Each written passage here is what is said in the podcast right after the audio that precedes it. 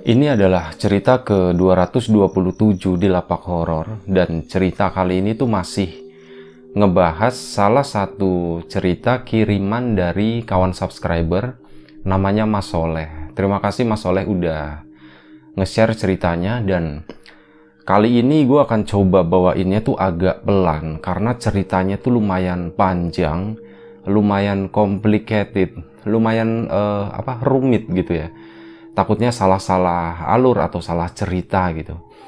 Dan seperti biasa, sebelum kita ke cerita, gue pengen ngucapin banyak-banyak terima kasih buat kawan-kawan subscriber semuanya.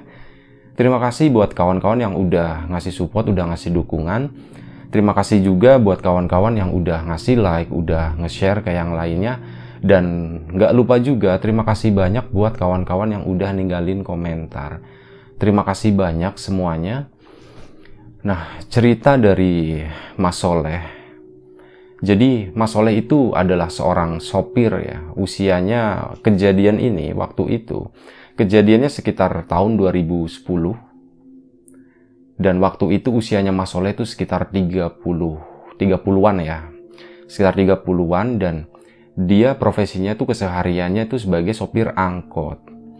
Jadi waktu itu Mas Soleh itu ngambil shiftnya itu shift sore karena shift paginya itu dipakai sama abangnya, sama kakaknya, sama masnya.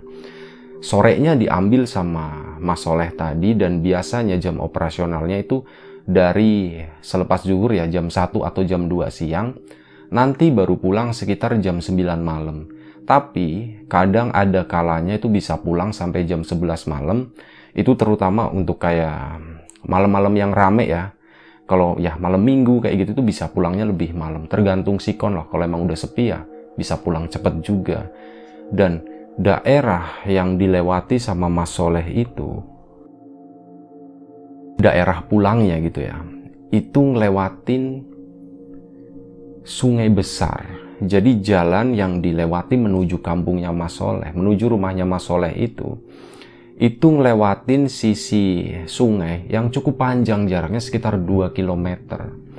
Dan sementara di sisi yang arah sungai itu, itu uh, kebanyakan itu masih kebun semua ya, banyak ilalang, banyak apa ya kayak pohon bambu juga masih banyak di sana. Sementara sisi kanannya itu beberapa memang udah ada rumah penduduk tapi jaraknya masih lumayan jauh-jauh ya dan malam kalau misal Mas Soleh lewat di situ malam hari ya suasananya memang agak menyeramkan di situ.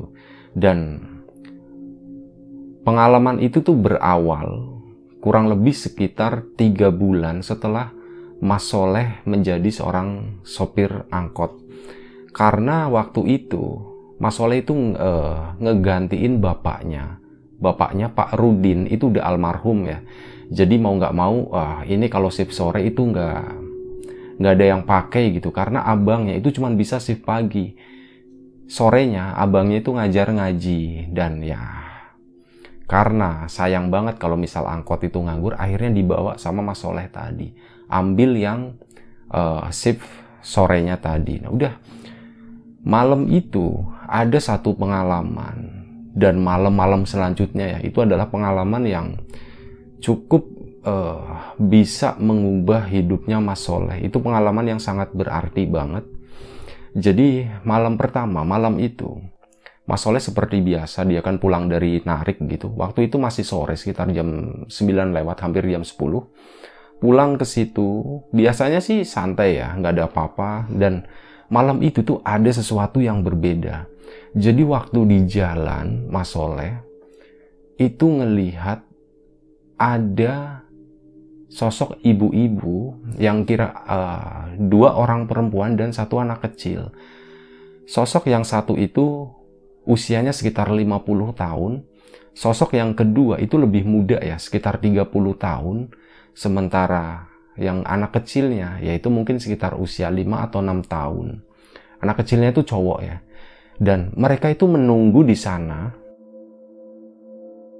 di salah satu titik di tengah kebun yang kebetulan itu jauh dari rumah penduduk. Jadi ada satu, ada beberapa titik, ada beberapa spot itu yang memang lokasinya itu kanan kirinya itu benar-benar kebun gitu. Kampung penduduknya itu agak jauh-jauh kayak gitu. Nah itu pas di situ tempat sepi-sepinya orang gitu. Hampir nggak ada orang di sana, pencahayanya pun minim banget. Nah Mas Soleh sendirian malam itu lewat situ ada orang nungguin di sana dan begini nyetop ya. Pas nyetop, uh, Mas Soleh tuh waktu itu berpikirnya tuh memang udah ngerasa ag agak sedikit takut ya, tapi setelah diperhatiin gitu, wah ini kayaknya orang gitu. Dia ngeliatin ke bawah, napa kok katanya kayak gitu. Ya udah, dia lanjutin uh, ngedeket sama si orang tadi dan berhenti di depan mereka. Saat berhenti, Mas, uh, kami numpang ya, ikut ya. Boleh masih boleh nggak? Oh iya bu, silakan masuk aja bu masuk. Akhirnya Mas Soleh itu ngebukain pintu belakang ya, karena pintu belakang itu angkot itu udah ditutup karena udah pulang. Mas Soleh turun, ngebukain, jegrek. Akhirnya uh, mereka bertiga itu uh, naik ke angkotnya Mas Soleh. Ya tanpa curiga, tanpa apa, Mas Soleh terus jalan. Pelan, pelan, pelan, pelan, pelan biasa. Nah sekitar 200 atau 300 meter dari tempat mereka naik, mereka itu berhenti. Mas, mas, uh, kiri, kiri katanya Ya Mas Soleh pun berhenti di situ kan. Mas e, berapa mas ongkosnya? Nah kata Mas Soleh, udah bu nggak usah bu, gratis aja katanya. Ini kebetulan saya juga mau pulang ke rumah. Ini ya hitung-hitung inilah bu, amal bu nggak apa-apa bu, nggak usah bayar katanya. Oh jih, matur nuwun mas. Oh iya terima kasih mas katanya. Udah mereka pun pergi Mas Soleh jalan. Lanjut jalan ke rumah. Nah udah uh, dia tuh nggak berpikir yang aneh-aneh ya nggak berpikir yang macem-macem dan seperti biasa keesokan harinya Mas Soleh tetap dengan aktivitasnya dia tetap ngangkot kayak gitu dan besoknya itu nggak ketemu lagi sama sosok itu itu sampai beberapa hari ke depan nggak ada yang nyetop di tengah jalan kayak yang tadi. Dan kurang lebih sekitar 4 atau lima hari setelah itu Mas Soleh kaget lagi loh ini yang kemarin nih yang kemarin naik nih ibu-ibu yang kemarin. Ya udah nggak apa-apa pikir Mas Soleh kayak buat temen lah buat temen jalan gitu kan. Lagian emang suasananya sepi banget di situ. Akhirnya Mas Soleh otomatis berhenti ya. Sama si ibu tadi juga begini nyetop.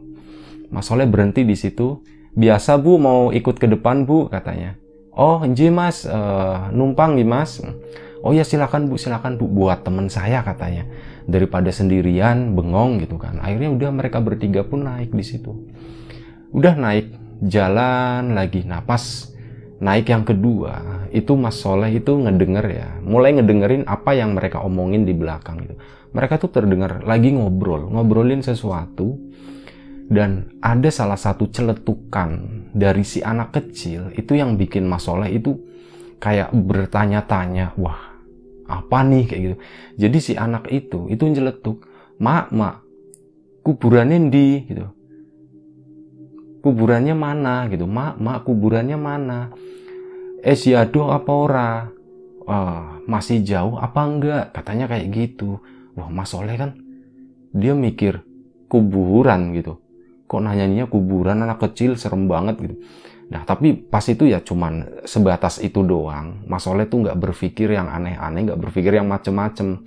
Dia tuh masih menganggap, karena itu tadi ya, masih menganggap kalau mereka itu adalah sama kayak kita, manusia gitu. Karena setelah dia lihat pas pertama itu ya, mereka tuh napak kayak bener-bener orang kayak gitu.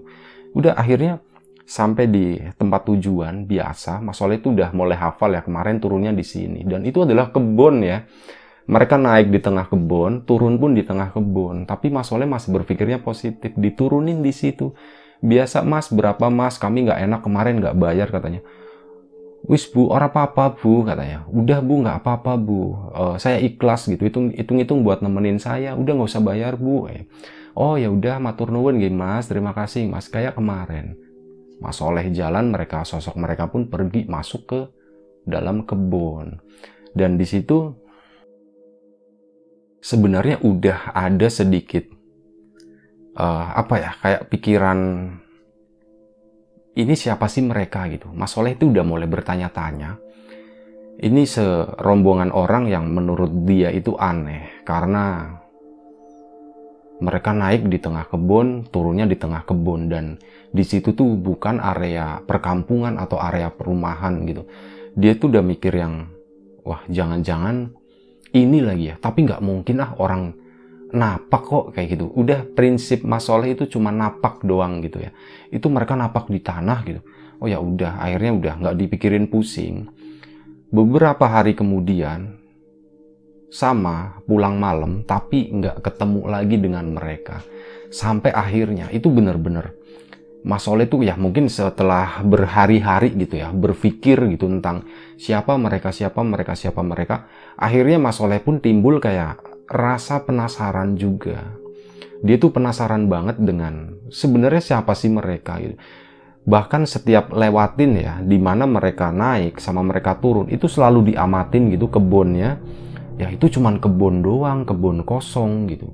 Tapi lagi-lagi seperti itu, dia tuh penasaran, ini sebenarnya apa sih mereka gitu.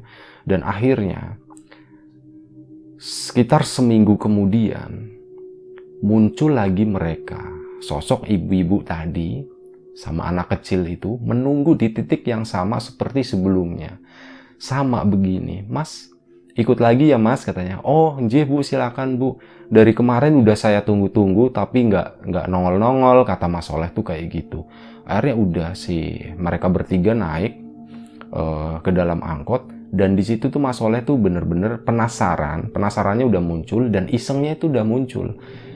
Jadi begitu ngelihat sosok itu mas Soleh itu langsung geser spion yang di depan itu. Itu agak ke bawah ya. Jadi dia nggak berani uh, spionnya tuh diarahin ke muka gitu. Takutnya kalau lagi ngelirik gitu kan kelihatan nggak enak nah akhirnya dikebawahin tuh spion ke arah ya dari setengah badan ke bawah situlah. Kebetulan lampu belakang itu dinyalain angkotnya. Nah udah lagi jalan dia kan sering lirak-lirik gitu kan ngamatin ini siapa sih? Apa sih yang mereka obrolin bener-bener kayak udah mulai didengerin gitu? Karena penasaran itu tadi. Udah akhirnya pas di tengah-tengah perjalanan Mas Soleh lagi ngelirik gitu ke arah spion, dia tuh kaget, dia tuh menemukan sesuatu yang aneh dari orang-orang itu, terutama si ibu yang usianya 50 tahunan itu, yang kebetulan duduknya itu paling ujung belakang. Mereka uh, duduknya tuh satu jejer ya, sebaris gitu. Dan ibu-ibu yang 50 tahun itu, yang paling tua, itu duduknya paling belakang mepet sama jendela yang kaca yang di belakang itu loh. Paling belakang angkot lah pokoknya. Nah itu dari spion kan kelihatan. Mas Soleh tuh lirak-lirik terus ngeliatin ke arah bawah, ke kakinya, ke bagian kakinya. Nah di situ tuh ada sesuatu yang aneh katanya. Jadi apa yang Mas Soleh lihat itu bukan kaki. Yang dilihat kakinya itu kayak kaki tapi dibungkus sama kain itu mirip kayak pocong ya kayak pocong ya pocong tapi bagian bawahnya kayak gitu itu kakinya nggak kelihatan ternyata. Dan ternyata itu kayak kain putih kotor yang udah kena lumpur dan bagian ujungnya itu diikat gitu. Itu yang bikin waduh ini kayaknya nggak beres nih. Ini bukan orang nih pasti nih. Dia udah mulai buru-buru gitu kan. Sementara yang di belakang itu masih santai masih ngobrol. Dan Mas Soleh itu udah nggak udah nggak mikirin apa yang mereka obrolin lagi. Dia tuh pengen cepat buru-buru sampai di tempat tujuan biasa di mana mereka itu turun akhirnya sampailah di sana mereka turun mas pinten mas? gitu. Mas berapa mas? Udah bu seperti biasa gitu. Nggak usah bayar tapi waktu itu memang mimiknya mas Soleh itu katanya udah ya katanya aku tuh udah ngerasa tegang banget gitu. Kata mas Soleh itu kayak gitu. Di situ udah nggak bisa nyembunyiin kayak uh, ketakutannya gitu. Dan si sosok itu itu sebelum pergi itu ngomong di pinggir jendela situ ya. Udah lihat ya mas katanya kayak gitu. Nah mas Soleh, waduh gitu. Iya bu katanya dia cuma jawab kayak gitu terus udah langsung oh ya udah gitu. Nah makasih ya mas ya, matur nuwun ya mas. Nasi mereka balik badan ke sana, Mas Soleh langsung ngacir, langsung ngacir di kebut gitu, buru-buru sampai ke rumah. Nah sampai ke rumah, Mas Soleh itu ketemu uh, nemuin kakaknya, abangnya, dan dia tuh cerita, Mas, aku tuh sebenarnya mau cerita tentang satu hal yang beberapa hari ini tuh aku alami, hal yang menurutku tuh aneh banget. Ya boleh dibilang hal yang nyeremin gitu. Jadi kurang lebih sekitar hampir sebulan ini, setiap aku pulang itu selalu di stop sama nggak setiap hari ya mas ya, beberapa hari sekali. Ini adalah ketiga kalinya. Itu di stop sama uh, tiga orang penumpang yang satunya perempuan dengan usia kurang lebih sekitar 50 tahun, yang satunya itu lebih muda sekitar 30 tahunan. Dan yang satunya itu anak kecil, Mas. Mereka itu selalu nyetop di situ, di kebun ya mas ya, di kebun yang ini. Dan nanti akan turun di kebun yang depan. Ngedenger kayak gitu masnya langsung wah jangan-jangan gitu, masnya ngeledekin gitu kan, wah jangan-jangan gimana mas. Soalnya udah aku liatin mereka itu manusia mas, kakinya napak. Cuman hari ini karena itu tadi aku tuh penasaran gitu ya. Sebenarnya ya nggak mau aku ceritain, cuman karena kayaknya ada sesuatu yang nggak beres ya yang aku lihat barusan tadi. Mereka tuh barusan naik mas. Nah yang aku lihat itu pas aku coba lihat dari spion ya karena penasaran mas siapa tuh mereka tuh siapa. Nah aku lihat ke bawah kaki mereka itu dibungkus sama pocong mas katanya. Astagfirullahaladzim kata masnya gitu. Beneran gitu. Iya mas beneran. Itu tuh ya makanya aku buru-buru aku mikirnya udah wah jangan-jangan mereka itu ya setan gitu. Jangan-jangan mereka tuh hantu mas katanya. Ya si masnya wah bisa jadi sih itu. Soalnya emang nggak wajar kan orang naik di kebun kayak gitu. Lagian di situ ya siapa sih yang mau naik angkot gitu? Tapi uh, kebetulan uh, abangnya itu pernah beberapa kali beberapa kali doang itu ngambil shift sore ya. Lewat ke situ ya nggak pernah nemuin apa-apa. Jadi bener-bener yang baru ngalamin itu ya si Mas Soleh tadi. Akhirnya udah uh, udah diceritain ke abangnya ya. Abangnya responnya cuman seperti itu itu doang gitu. Dan akhirnya ya seperti biasa lah dengan agak ketakutan yang sebelumnya itu Mas Soleh itu nungguin ya wah semoga muncul lagi nih gitu. Semoga muncul lagi. Nah semenjak ngelihat hal itu Mas Soleh tuh berharap sosok itu tuh nggak muncul lagi dan bener aja. Beberapa hari setelah itu sosok itu tuh nggak muncul lagi. Sekitar tiga atau empat hari itu nggak muncul. Nah baru hari selanjutnya itu muncul lagi. Jeng-jeng gitu kan. Waduh si ini lagi katanya uh, Mas Soleh itu udah bener-bener tegang ketakutan dan akhirnya sama seperti ini ya penumpang itu tuh ngaweh dan Mas Soleh tetap berhenti di depannya dan waktu itu Mas Soleh nggak banyak bicara dia cuman uh, apa namanya duduk di setir, diem aja, cuma nengok, cuma uh, nunduk doang gitu ya. Silakan lah seperti itu. Akhirnya mereka pun naik seperti biasa.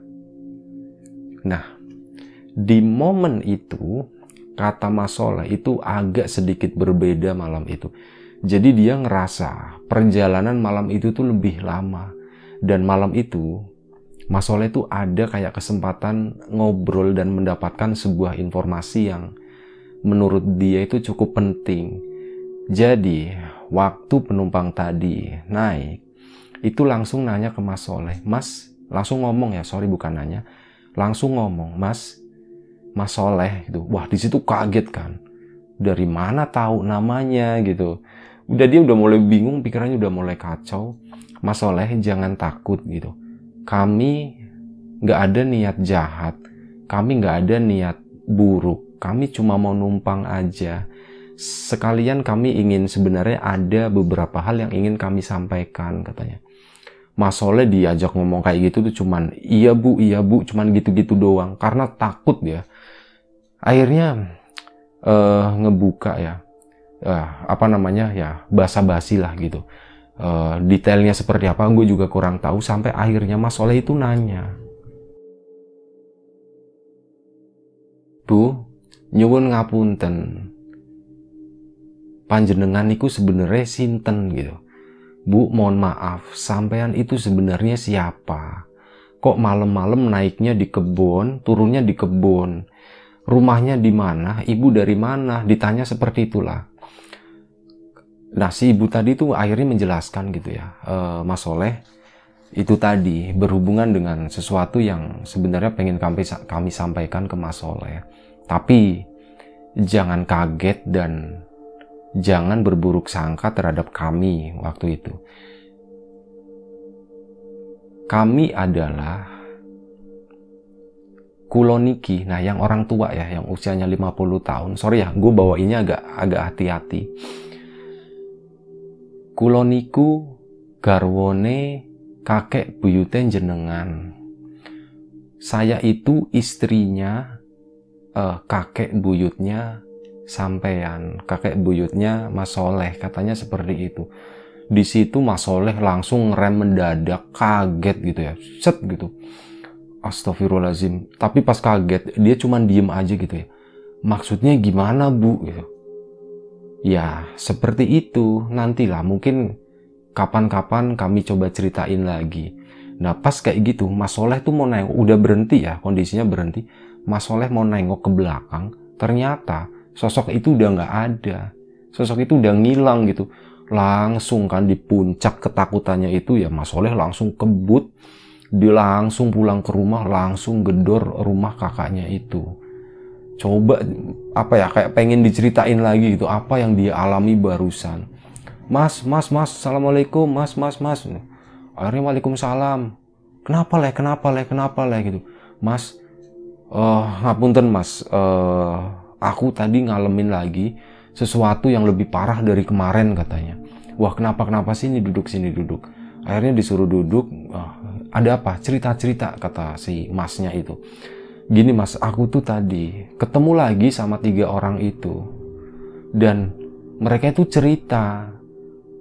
Katanya mereka itu uh, yang apa namanya sosok yang paling tua itu bilang kalau dia itu adalah istrinya kakek buyut kita mas wah yang bener gitu iya mas bener dia bilang kayak gitu makanya ya aku takut mas gitu itu aku udah yakin mereka itu bukan manusia mas nah dari malam itu Mas Soleh itu udah bener-bener yakin kalau apa yang sering numpang angkot dia itu adalah bukan manusia nah dari situ Masnya itu makin penasaran, ikut penasaran juga, tertarik dengan apa yang diceritain sama Mas Soleh tadi.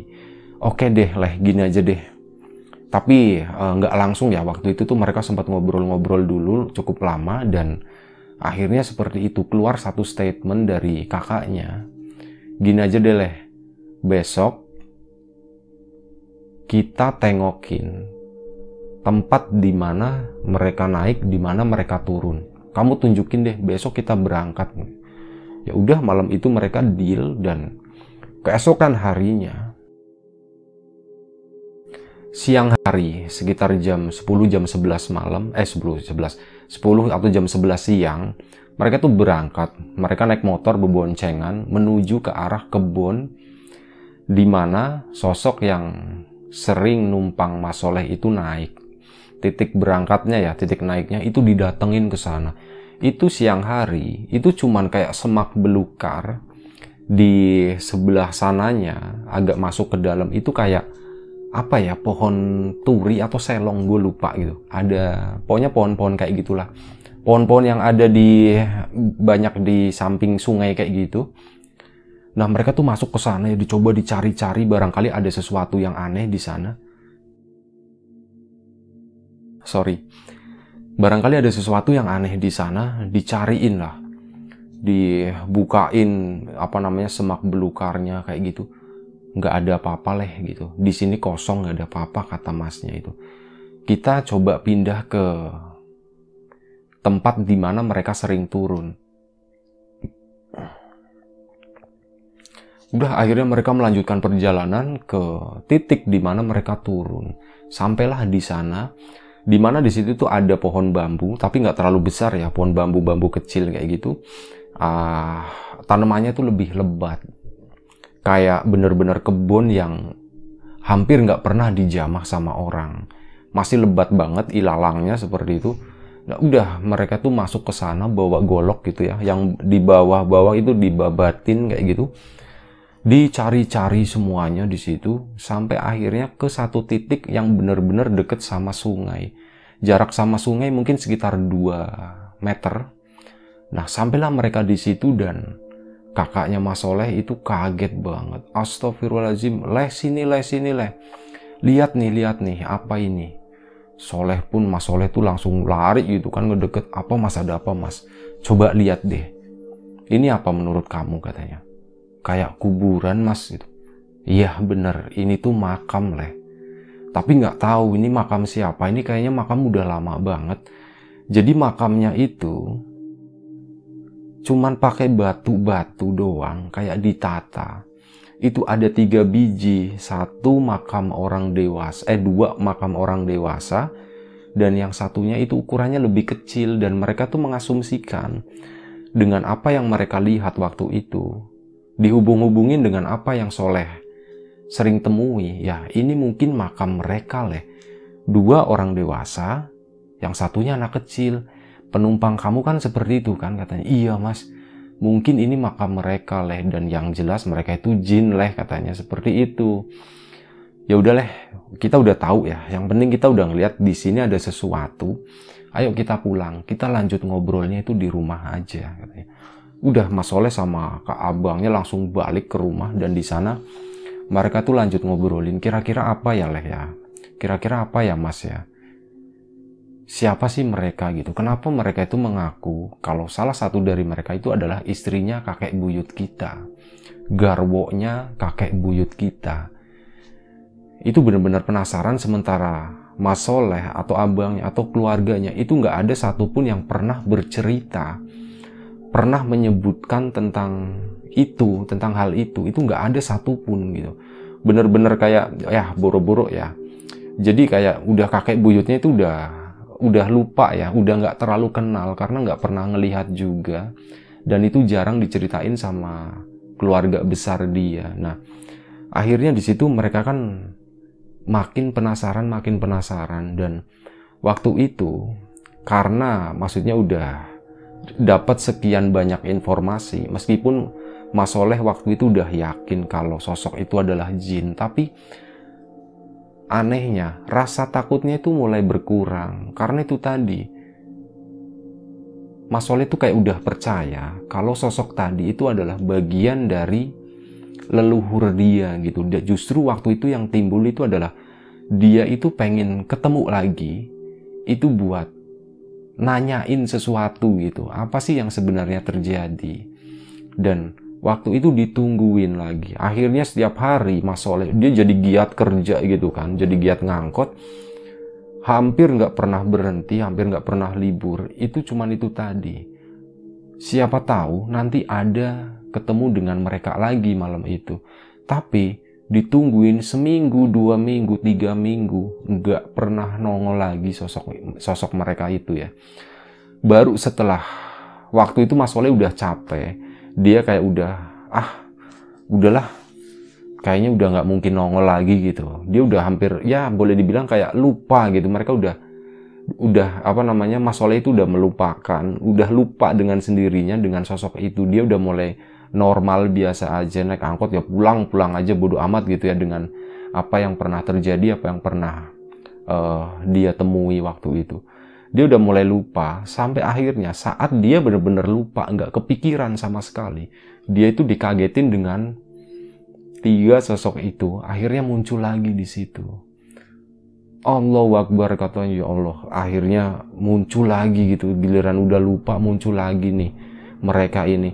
Akhirnya Mas Soleh buru-buru kan ngedeket ke situ angkotnya diberhentiin di depan mereka itu. Dan akhirnya tanpa banyak omong waktu itu Tiga sosok itu naik ke angkotnya Mas Soleh.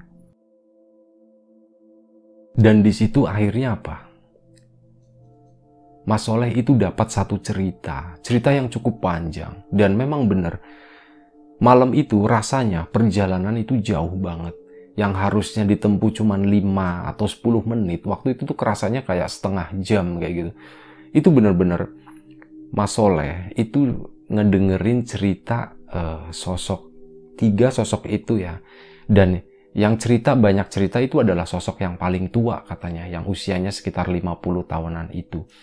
Nah, dia itu cerita, jadi gini Mas Soleh, uh, seperti yang udah saya ceritain sebelumnya, kalau saya itu adalah istrinya kakek buyutnya Mas Soleh. Ini adalah adik saya. Dan yang ini, yang anak kecil, itu adalah anak saya anaknya kakek buyutnya Mas Soleh waktu itu. Mas Soleh cuma diem aja, dia menyimak gitu. Dia benar-benar sebenarnya ya tersangat tertarik, tapi dia nggak mau kehilangan satu cerita pun, makanya dia nggak banyak bertanya, dia lebih banyak iya bu, iya bu, silakan dilanjutkan bu. Cuman kayak gitu aja, dia benar-benar menyimak ya. Akhirnya dilanjutin. Jadi gini Mas Soleh, ada sesuatu yang mungkin Mas Soleh atau keluarga Mas Soleh itu nggak tahu tentang kami. Kami adalah bagian dari masa lalu kalian. Jadi waktu itu, dulu banget, zaman perang, kami warga desa, warga kampung itu selalu ketakutan saat melihat ada sosok-sosok besar merah. Maksudnya itu orang Belanda gitu ya. Di situ konteksnya tuh ke Waktu itu zaman masih zaman penjajahan. Jadi saat mereka datang, mereka tuh bawa senapan. Kita orang kampung itu pasti pada lari ke kebun mas. Kita tuh takut banget. Padahal ya nggak tahu sih, cuman kita takut aja waktu itu semua warga itu langsung kompak. Ada yang mukul kentongan gitu dan kita itu langsung berhamburan lari ke kebun. Nah begitu pun sama yang terjadi dengan kami. Waktu itu kami itu langsung disuruh pergi sama kakek buyutnya Mas Soleh atau kakek buyut aja ya dalam cerita ini biar nggak kepanjangan. Nah sama kakek buyutnya kami langsung ditarik, ayo sembunyi, sembunyi, sembunyi.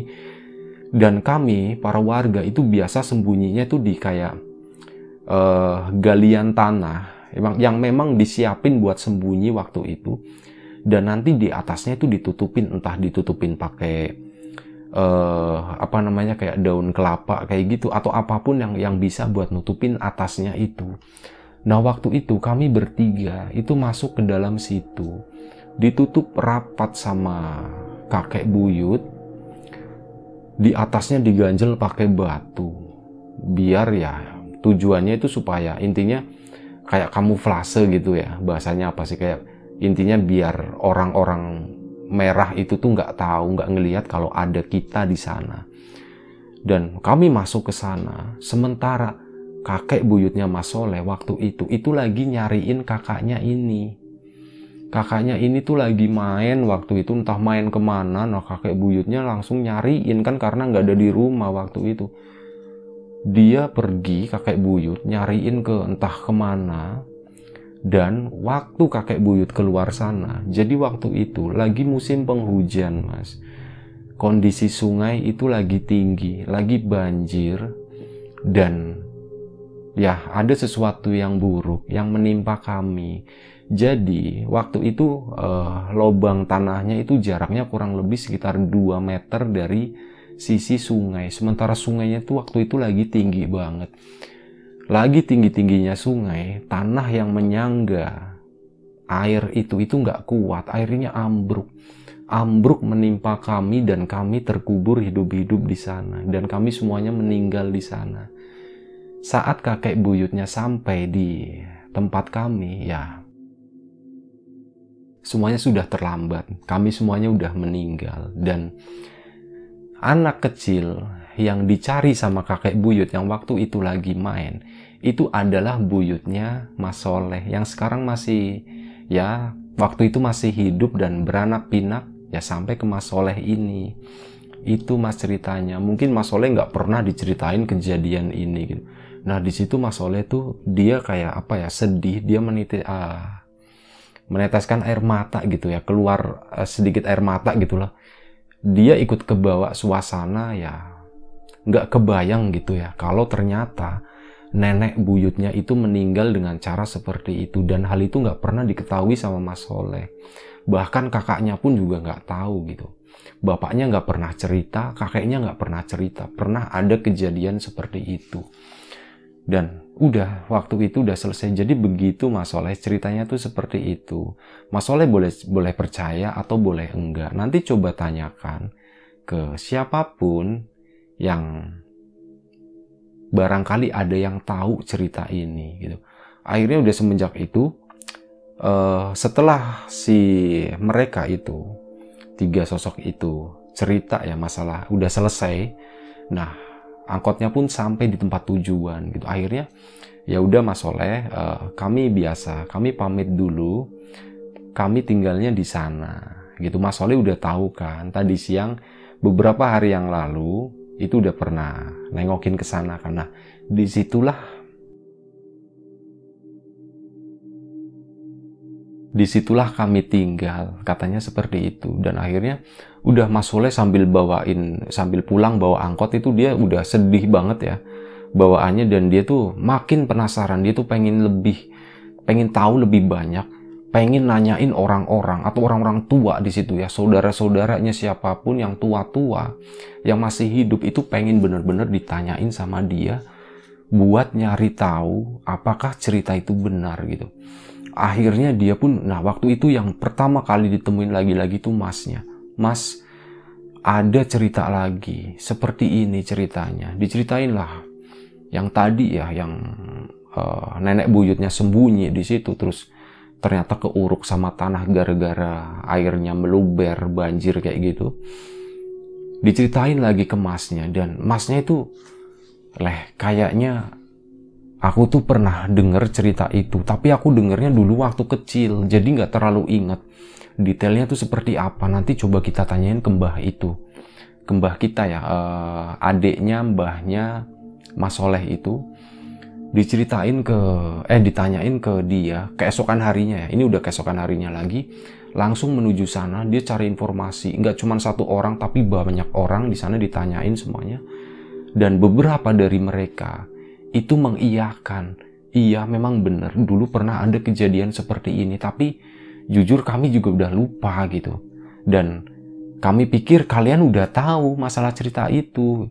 Enggak, kami nggak pernah tahu.